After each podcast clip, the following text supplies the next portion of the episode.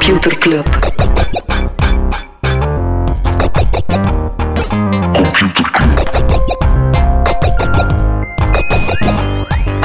Computer Club. Hey Smolly, Hey Freddy, welkom. Welkom terug. welkom. Welkom bij Computer Club, een wekelijkse podcast over technologie. Iedere aflevering selecteren Frederik en ik een interessant artikel en dan presenteren we een feitje. Ja, en eh, we hebben er eh, een ongelooflijk cool mutation avontuur op zitten, Smolly. Yes, onze eerste keer presenteren op het echt technologiefestival. Ja, en volgens een van de bezoekers was het... Entertain... Nee, wat was het nu weer? Het was awkward but entertaining. Ja, dus daar, daar gaan we voor, hè. Awkward but wij. entertaining. Wat was het coolste dat je gezien hebt, Smolly? De Deen Andreas Refskaart. En Zijn- iets specifiek over die Deen of gewoon de Deen? Ja, nee, dat was een kunstenaar, slash leraar, slash techneut, nerd, die bijvoorbeeld een versie van Wolfenstein, dat spel had gemaakt, dat je de controls niet meer bedient met je muis of met, met voor, pijltjes voor en naar achter, maar met de geluidjes. Dus je moest fluiten als je naar voor wil lopen, of pang roepen als je wil schieten. Ja, was echt super cool, hè. Zeg je nou, wat vond jij cool? Eh, een eh, afge- eh, jonge, jonge eh, afgestudeerde student aan het Luca, Katelijne Put. En die had voor het eh Plantijn Moretus Museum een, wat een museum is over boekdrukkunst. Dus die had een boek gemaakt dat werkt als een app. Dus die had gezegd van, eigenlijk staat dat niets dat je in, die, eh, in dat museum zou rondlopen met een app. Dus die had eh, via gel- elektriciteitsgeleidende inkt had hij een soort ja, boek gemaakt waarop dat je dan dingen kon gaan doen. eh, en dan begon er een audiogids te spelen of begon er dingen in de ruimte te gebeuren. Eh super zot project. Het is vrij meta om het te beschrijven, dus ga zeker eens kijken naar de website van Katelijne. Echt tof. Mega. Freddy, Ja, wat zijn dingen waar we het niet over kunnen eh, hebben? Of Het- zal ik, zal, ik zal iets aandragen waar ik het niet over wil hebben. Zijn de eh, Tumblr. Tumblr die heeft besloten om vanaf midden december naakt en andere adult content te verbieden. Ah, wel, ik ging zeggen, eh, ik, ik stel voor dat we het niet hebben over het einde van Tumblr. Ja, Tumblr, Wat? die gaat, dat, gaat een, dat gaat een neergang zijn. Hè. Tumblr bestond tot nu toe voor 99% uit titelfoto's en voor 1% uit mijn blog die daar per ongeluk nog op stond. En wat post jij? Geen titelfoto's. Nee, gewoon teksten. Echt heel droge mediakritiek en zo. Tekst, geen titel. Is dat de titel van de Tumblr? I wish. Tekst, Eh, heb geen, jij- tekst, geen titel, Tumblr. Ja, ik heb eh, jaren geleden eh, een Tumblr-avontuur beleefd toen mijn iPhone gestolen was. En die dook een aantal weken later op in het buitenland, maar mijn iCloud stond nog aan. Waar is die niet gestolen? Eh, op de Vlasmarkt tijdens de feesten. dus uiteraard. waarschijnlijk heb ik de dief ook nog eh, vriendelijk omhelst, zoals Ja. die dingen gaan.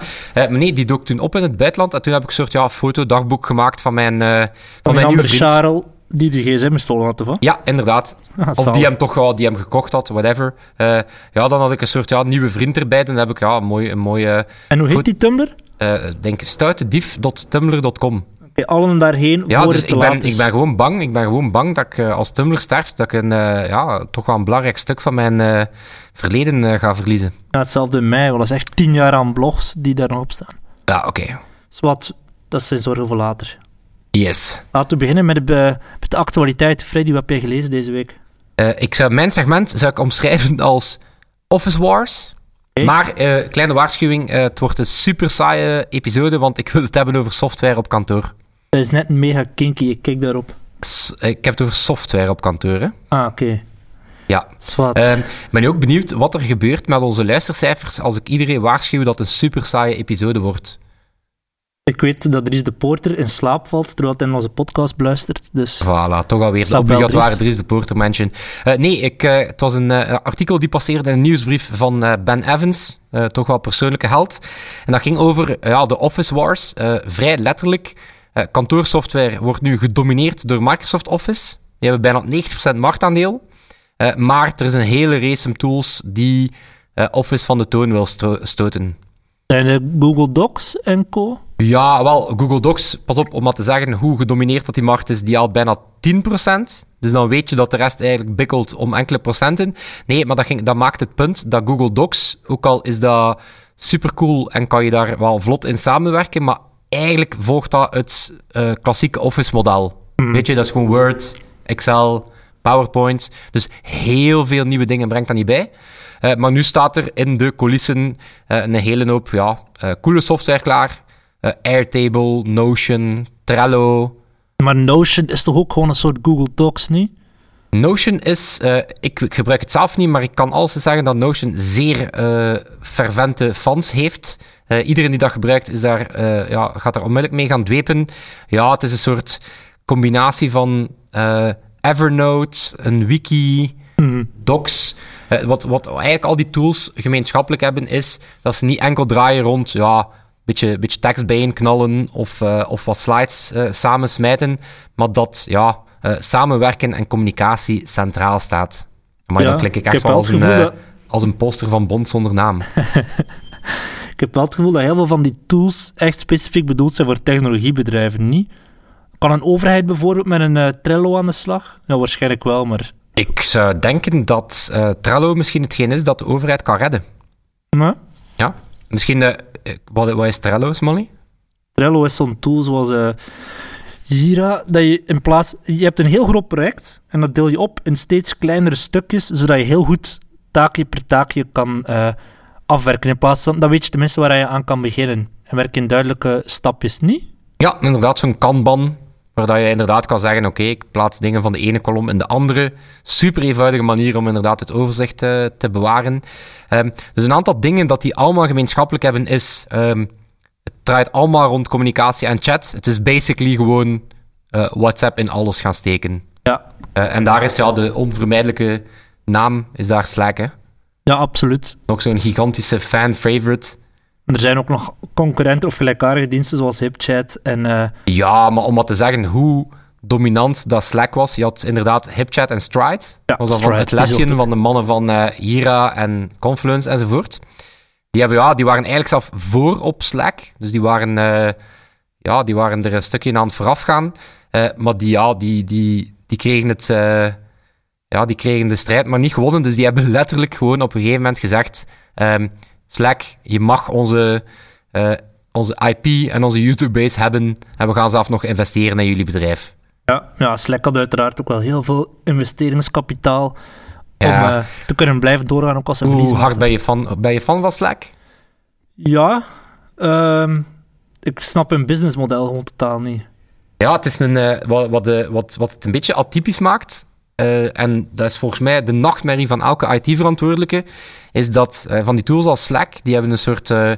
kan, je die, kan je Bring Your Own Device? Nee. Maar Bring Your Own Device is zo'n beetje de trend waarbij dat mensen zeggen van ja, liever dan die crap-telefoon dat ik van het werk krijg, ah, mag ik AUB mijn eigen iPhone meepakken. Houtstuk. Wel, die hebben iets vergelijkbaars en dat heet Bring Your Own Software. Betekent dat mensen zijn het op een gegeven moment zo beu om de ja, brol-tools van het werk te gebruiken, dat ze gewoon guerrilla-stijl zelf of met een aantal collega's uh, een nieuwe tool binnensmokkelen. Mm En Slack onder andere maakt dat super simpel door te zeggen van ja, uh, als jullie dat willen gebruiken met een klein team, doe maar. En vanaf dat je... Eigenlijk wat ze doen is, vanaf dat ze merken dat er een aantal verschillende teams binnen één, één bedrijf uh, Slack gebruiken, ja, dan nemen ze contact en zeggen ze, hey, weet je, misschien moet je ze een echt abonnement nemen. Ja, een abonnement, de, de voorwaarden daarvoor zijn echt te irrelevant om het te doen. Ik heb zowel de gratis als de betalende versie gebruikt en ik merk amper verschil, behalve dat je bij de betalende versie meer dan 10.000 berichten kan uh, bewaren. Meer dan 10.000 berichten, Smolly? Hey, voor mensen die heel veel chatten. Ja, of, maar je kan wel... Op zich, op zich vind ik het wel handig zo op het werk. Ik vind, ik vind het model wel cool. Mm Weet je, in plaats van constant mails naar alles en iedereen Voor mensen die Slack niet kennen, Freddy. Vat er een keer samen het concept. Het is gewoon chatten. Ja, het is, het is gewoon chat. Apart groepschat. Uh, nee, wat wel efficiënt is, is dat je dan... Uh, je kan dan uh, je kan apart met elkaar chatten, je kan met, als team met elkaar chatten, maar je kan ook bijvoorbeeld een groep maken rond een project. Ja. dat soort toestanden.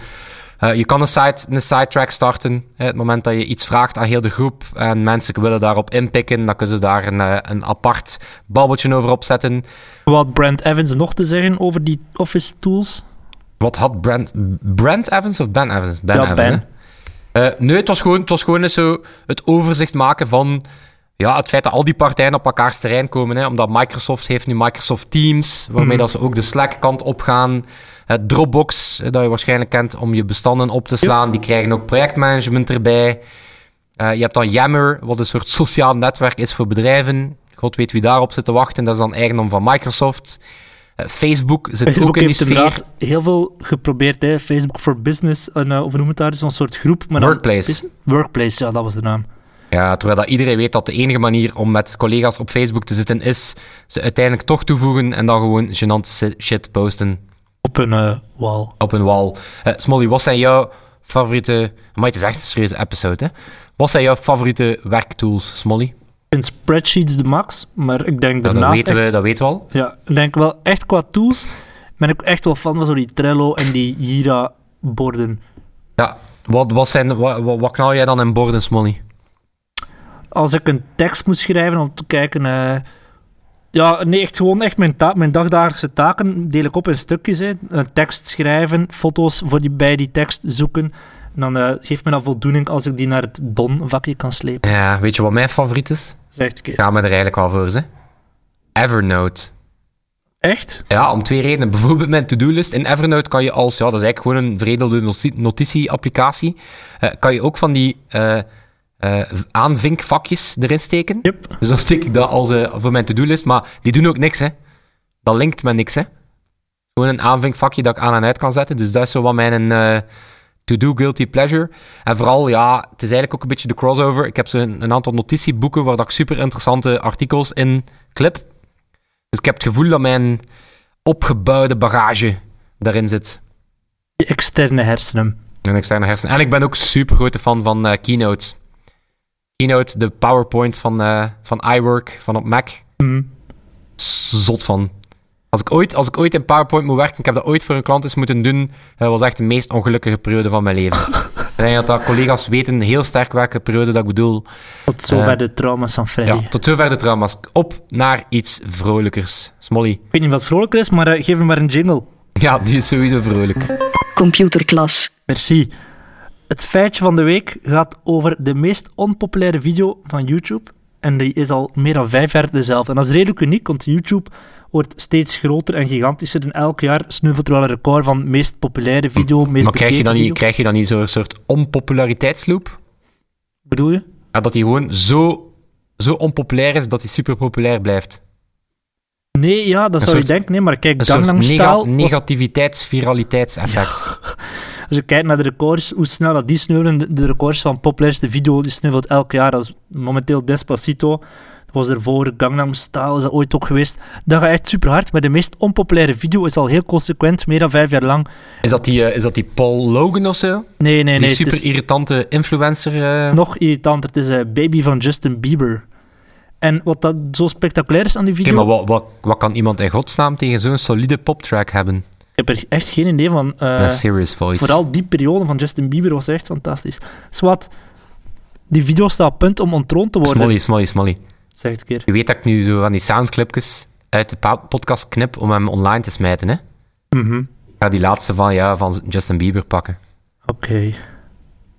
Geen probleem, ga verder met de podcast. Die video staat op punt om ontroond te worden, want YouTube heeft deze week de YouTube Rewind video gepubliceerd. Dat is een soort jaaroverzicht van, eh, waarin ze allemaal bekende YouTubers samensmijten die dan één hele rare video maken. Ze hebben die gepubliceerd en die is zodanig slecht en bizar dat mensen die massaal gaan disliken, die is op vijf dagen tijd 8 miljoen keer gedisliked. Ah, dus het is niet, ze hebben niet een gedislikte video in die rewind gestoken, het is de rewind zelf die gewoon... Ja, ja die, die Sukt. vinden mensen echt afschuwelijk. Maar het concept is ook gewoon raar. Hè. Stel je voor dat er een één video van vijf minuten zou komen over het eh, volledige Vlaams televisiejaaroverzicht, waarin we Linda de Win en de de Fortnite-dansjes zien nadoen. Dat slaat gewoon op duur echt nergens meer op. Hè. Oké, oké, smolly, smolly, smolly. Een Ik kijk geen tv, is dat nu een, is dat echt gebeurd? Nee, dat is niet echt hoe het was een metafoor. Ik zei, stel dat de Vlaamse televisie dat zou maken. Ah, ik dacht, eh, het had even een waarschuwing kunnen zijn. Het had een waarschuwing kunnen zijn. Ik zou hem wel Ja. willen zien, maar hij had heel... Maar dus eh, om het dan weer positief te draaien in een versnipperde wereld waar mensen vaak niet tot consensus komen, zijn we het wel eens dat de video van YouTube op niks trok. Ja, Dus de, de eigenlijk haat we... gaat zelfs zodanig ver dat mensen de video van Justin Bieber nu gaan ont, ontliken, snap je? Dus ze gaan hun dislike terugnemen in de hoop dat die Fortnite, dat die eh, de rewind video terug de, de, de meest gehate video ooit zou worden. Fantastisch. Echt, het is super mooi als, de, mens, als Ja. de mensheid zich samenvindt in één project. Onze haat tegenover die rewind video is nog groter dan de haat tegenover Justin Dat gaat zijn like dat wij vroegen van, ah, mama, en papa, waar waren jullie toen dat de Berlijnse muur viel? Ja, Gaat dat nu zijn zo, ah, papa Smolly, waar was je, eh, waar was jij toen de Rewind-video uh, Na online vijf jaar kwam? het record verbrak. Ja, Voilà. Ik denk dat ik gewoon thuis in de zetel zou zitten, maar oké. We zullen zien. Oké, Smolly, Ik heb jij, bent, jij hebt ook, iets, eh, iets mee, hè? Ja, ik zocht een artikel voor deze week en ik zag eigenlijk drie artikelen die op hetzelfde neerkwamen. Slack, Lyft en Uber hebben onafhankelijk van elkaar aangekondigd dat ze naar de beurs gaan. Alle drie. Slack hebben we net over gehad. Lyft en Uber zijn twee taxidiensten. Lyft is alleen in de, US aan de macht, eh, maar Uber zit uiteraard wereldwijd. Ja, het is ook niet atypisch dat Lyft en Uber eh, ja, een beetje op hetzelfde moment die plannen maken, want dat zal daar toch wel om, om eerst zijn, hè? Ja, ja, ik weet niet wat dat er mee te maken heeft, maar inderdaad, Lyft is eh hyper populair in Amerika. Ik denk dat Uber over de hele wereld, dat beleggers daar naartoe zitten kijken. Oké, Smolly, een Ja. stap terug. Stel hypothetisch dat ik een eh, simpele duif ben die niks van de beurs kent. En jij bent natuurlijk eh, ja, een beurskenner. Een fan. Kan jij ons uitleggen hoe de beurs werkt? Ja, dat was inderdaad mijn, mijn idee toen ik die artikelen zag passeren. Keer nadenken van, waarom doen bedrijven dat en is dat per se logisch Waarom niet? doe het allemaal? Inderdaad. Oké, dames en heren, welkom bij deze aflevering van De Beurs voor Dummies door. Thomas Mollies. Oeh, wacht, Smolly, Smolly, Smolly. Zeg keer. Ik ga je de, ik ga je de Kinderbueno intro geven. Je wat? De Kinderbueno intro. Oké, laat maar komen. Oh, maar jij bent Thomas Smolders, de beursblogger, Nee hoor, ik ben Romelu Lukaku. de voetballer. De voetballer. Oké, Smolly, geld ophalen op de Yes. beurs. Hoe Alright. pakken we dat aan? De eerste stap, als bedrijven geld nodig hebben, ehm, gaan ze vaak eerst op zoek naar seed capital, zaadgeld, zo gezegd. Nasty. bij een rijke eh nonkel of een, iemand die je via via kent. Ehm, daarna, het bedrijf groeit, gaan ze op zoek naar een eh, Serie A-ronde. Dat is dan de eerste keer dat ze echt geld gaan ophalen bij hele rijke mensen. Vaak zijn dat mensen die beroepshalve investeren. Venture capitalists noemen zo mensen. Eh, hier in België heb je bijvoorbeeld Hummingbird van Barend van den Brande, die onder andere in Showpad investeerde, maar ook in Deliveroo, in Engager. Die mensen hebben echt miljoenen ehm, die ze investeren in bedrijven. Maar op duur, eh, dan komt er misschien nog een, serie B-ronde, een serie C, omdat je andere bedrijven wil overnemen. Maar op den duur kan je geen extra geld meer bij dat soort mensen ophalen. Omdat zij zeggen van, kijk, we hebben nu genoeg in jullie geïnvesteerd, het wordt tijd dat, we die, dat, we, dat wij een keer geld terugkrijgen voor jullie. Ehm, dan heb je twee opties. Ofwel verkoop je je bedrijf aan een nog groter bedrijf. Engager bijvoorbeeld, eh, een Gens bedrijf, is verkocht aan Clarabridge, een Amerikaans bedrijf, voor heel veel geld. Waardoor dat die investeerders, oorspronkelijke investeerders, waar hun geld gekregen hebben. Tweede optie is naar de beurs gaan. En dat is eigenlijk, moet je dat zien als een soort grote crowdfunding bij het publiek, die in ruil voor eh, een stukje, ja, een stukje eh, aandeel eigenaar van je bedrijf worden. Eh, je gaat van een privébedrijf, dat maar een paar mensen bezitten, word je een publiek bedrijf. En vorig Oké, jaar... dan ga je naar de beurs om geld en wat is dat dan? Met een grote noot rondgaan. Ja, soort van. eh, Je kan het vergelijken met een Kickstarter, maar dan veel Een professioneel. sombrero. Hm? Met een sombrero. Met een Een sombrero. soort van hoed. Een vrij grote hoed. Yes. En, en vorig jaar hebben we in totaal 1764 bedrijven wereldwijd die de stap gewaagd om naar de beurs te gaan. En dat is redelijk veel. Ja, het grootste voordeel is uiteraard, je kan veel meer geld ophalen. Het gaat om miljarden soms. ehm, dan, dan bij gewoon bij een privé-investeerder. Het bedrijf kan heel snel heel waardevol worden, maar er zijn uiteraard ook een heleboel nadelen. En eh, voordat je zo'n naar de beurs kan gaan, moet je bedrijf grondig laten doorlichten door externe eh, bedrijven. Die zeggen dan, file, je, je gaat voor een IPO, een Initial Public Offering. Voordat je dat doet, heb je een prospectus nodig. En dat is niet zoals bij een Kickstarter. Bij een Kickstarter moet je gewoon een toffe video hebben om mensen te overtuigen om eh, in, jou, in jou te investeren. Maar als je naar de beurs gaat, moet je echt veel meer documentatie voorleggen. En vaak zie je dan pas voor het eerst hoeveel verlies dat bedrijven maken. Ik toen dat vorig jaar, ah, ik ben de naam vergeten, maar zo'n zo'n concurrent van Deliveroo naar de beurs ging, zag je dat hij echt ontzettend veel verlies maakte per bestelling. Mhm. Ah, die- oh, die- dat, was, dat was eigenlijk mijn grote vraag naar jou, Smolly. Mhm. Eh, Uber. Ja. Dat erom bekend, daar zit massaal veel geld in gepompt. Ja, meer dan 20 miljard al, Onder andere door die stoute Saoedi's. inderdaad. Oké, maar, dus die draaien, ik denk, 2 à 3, miljoen, eh 2 à 3 miljard eh, aan omzet. Maar ik dacht dat ik ergens gelezen had dat, dat die bijna 1 miljard aan verlies draaien. Ja, absoluut. Ja, dat, dat, dat lijkt mij zeer logische cijfers. Heel veel van die bedrijven die Oké, maken maar dat is, wat, wat is daar dan de, wat is daar dan de, de logica? Wat is de investering? Wel, die investeerders die denken, we gaan... Want meestal als ik met dat soort cijfers afkom, dan, uh, ja, dan ben ik vrij snel uitgepraat. Dan ben je inderdaad snel uitgepraat. Uh, de bedoeling daarvan is dat die, die investeerders steken naar geld en die zeggen, verbrand dit, uh, je moet zoveel mogelijk onkosten maken om in de hoop groot te worden, in de hoop de grootste te worden in jouw markt. Is meestal zo'n winner-takes-all markt. Hè. Bij een Deliveroo die zijn nu gigantisch veel verlies aan het maken in de hoop dat die ooit de rijkste, de enige speler nog in die markt zijn die overblijven. En ja, dat het is wel waar. Het is, uh, het is, inderdaad een soort winner takes all markt. Ja. Daarom dat ik het wel super interessant vind dat Lyft en Uber, uh, ja, niet toevallig op hetzelfde moment waarschijnlijk, uh, die beurs gaan doen. Hè? Ja. Wat, wat, wat, welke, welke van de beide partijen geloof jij in? Ik denk dat, dat Lyft heel slim is, dat die enkel op de Amerikaanse markt focussen. Is, volgens mij gaat dat uiteindelijk de, de, de doorslag geven. En bij Uber merk je, die zijn heel hard op zoek naar... Oké, we hebben een, een, gigantische hoop geld van 24 miljard. We gaan van alles proberen in de hoop dat de spaghetti ergens tegen de muur blijft plakken. Die zijn bezig met... Uh, voedselbezorging, Uber Eats. Die hebben daarnaast de gewone taxis. Ik zag ze ook met bussen beginnen. Helikopterritten, die zijn met van alles en nog wat bezig. Ja, ja. Dat, is, dat is echt waar. In Cannes heb je Uber uh, voor helikopters? Ja, volgens mij in Dubai ook, uiteraard. In Dubai. Wellicht, wellicht. Ja. Ah, nee, dat vind, ik, dat vind ik nu net...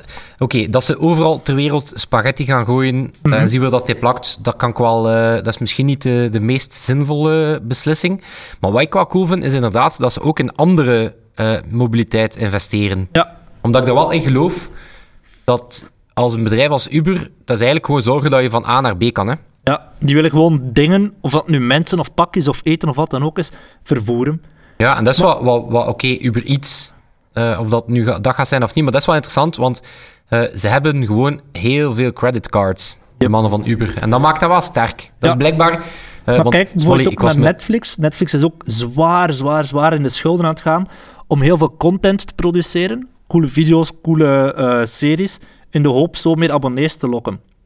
Die zijn nu absoluut niet gefocust op hoe maken we winst. Die willen gewoon echt heel snel heel groot worden. Amazon heeft jarenlang een gigantisch grote omzet gehad, maar bijna geen winst. Die zijn pas sinds de voorbije jaren maar winst aan het maken. Ja. Dus dat, is, uh, dat, dat kan je doen als je investeerders hebt of naar de beurs gaat en mensen kan overtuigen om te investeren in je bedrijf. Het grote nadeel dan weer, als je aan de beurs staat, is dat je iedere drie maanden verantwoording moet afleggen aan je aandeelhouders. Je hebt niet meer een, een groepje van tien mensen uh, die jouw bedrijf bezetten, maar iedereen die een aandeel heeft. Dus iedere drie maanden moet je cijfers bekendmaken, de kwartaalresultaten. En dat zorgt ervoor, die, die worden altijd gepubliceerd, s morgens heel vroeg of s'avonds heel laat. Dat is echt interessant om daar een keer door te gaan bij een paar van die grote bedrijven. Maar dat zorgt ook voor een zekere druk. Je moet elke drie maanden presteren, want als die cijfers slecht zijn, dan word je daarop afgerekend. En dat soms zelfs zo hard dat, dat je ontslagen zou kunnen worden van je eigen bedrijf. En daarom merk je nu ook dat zo'n Elon Musk bijvoorbeeld, die zegt, ik kan daar niet mee om, ik wil, ik wil gewoon weg van die beurs. Dat korte termijn denken, dat is heel negatief voor ons bedrijf, maar ik denk dat hij anderzijds ook wel bedoelt, de kans is nogal groot dat ik ontslagen word van mijn eigen bedrijf als ik zo slecht blijf presteren. Ik heb, ik heb trouwens een indruk over Elon Musk gesproken. Lang geleden dat we het over Elon Musk hebben gehad. Ja. Ik heb indruk dat hij tegenwoordig meer met zijn raketten bezig is dan dat hij nog met Tesla bezig is. Ja, ik denk dat hij daar inderdaad de boel aan iemand anders aan het overdragen ja. is. Oké, okay, maar... Maar je kan dus je, je, bedrijf van de beurs halen als je een, een, nog grotere smak geld terug boven kan halen om je bedrijf terug te kopen. Maar, maar Cook heeft het gedaan, die heeft Paradise van de beurs gehaald. Want hij zegt van ja, een zo zou niet op zo'n korte termijn, hey, telkens in die drie maanden intervallen uh, mogen denken. Dat is, niet, dat is niet goed of niet gezond voor die, voor die zo. We gaan die van de beurs halen en uh, er terug een privébedrijf van maken. Amai, Smolly, hier heb je toch wel echt uw businessboner kwijtgekund, hè? Dat is echt... In deze aflevering? Ik hou echt van dat concept. Gewoon het feit dat je voor een stukje eigenaar kan zijn van zo'n groot bedrijf, dat vind ik de max. Ja, ik vond, de, je hebt er een column over geschreven in de tijd. Ja. Ah, een mooie tekst. Daar dus, zegt van, eigenlijk heb je een soort eerste, ja, eerste rij om... Ja, je uh, kan zelf beslissen, wil ik in een, een Shell investeren? Is dat de wereld waar ik naartoe wil gaan? Of net een bedrijf die bezig is met, met duurzame of ethische dingen. Oké, okay, maar dan... Uh, ja? Voilà, kantoorsoftware en kwartaalcijfers. Droger wordt het niet. Computerclub van deze week. Ik beloof dat we volgende week iets super exotisch gaan doen. Uh, robots die seks hebben met elkaar in VR. We zijn er weer beloftes aan het maken en dan moeten we hier allemaal waarmaken. Oké, okay. maar dan rekenen we enkel nog op onze vriend Sebastiaan om hier onze outro onder te knallen. Waarvoor dat we natuurlijk zeer dankbaar zijn. En dan uh, ja, zal het tot volgende week zijn. Volgende week. Yo. Yo. Computer Club. Computer Club.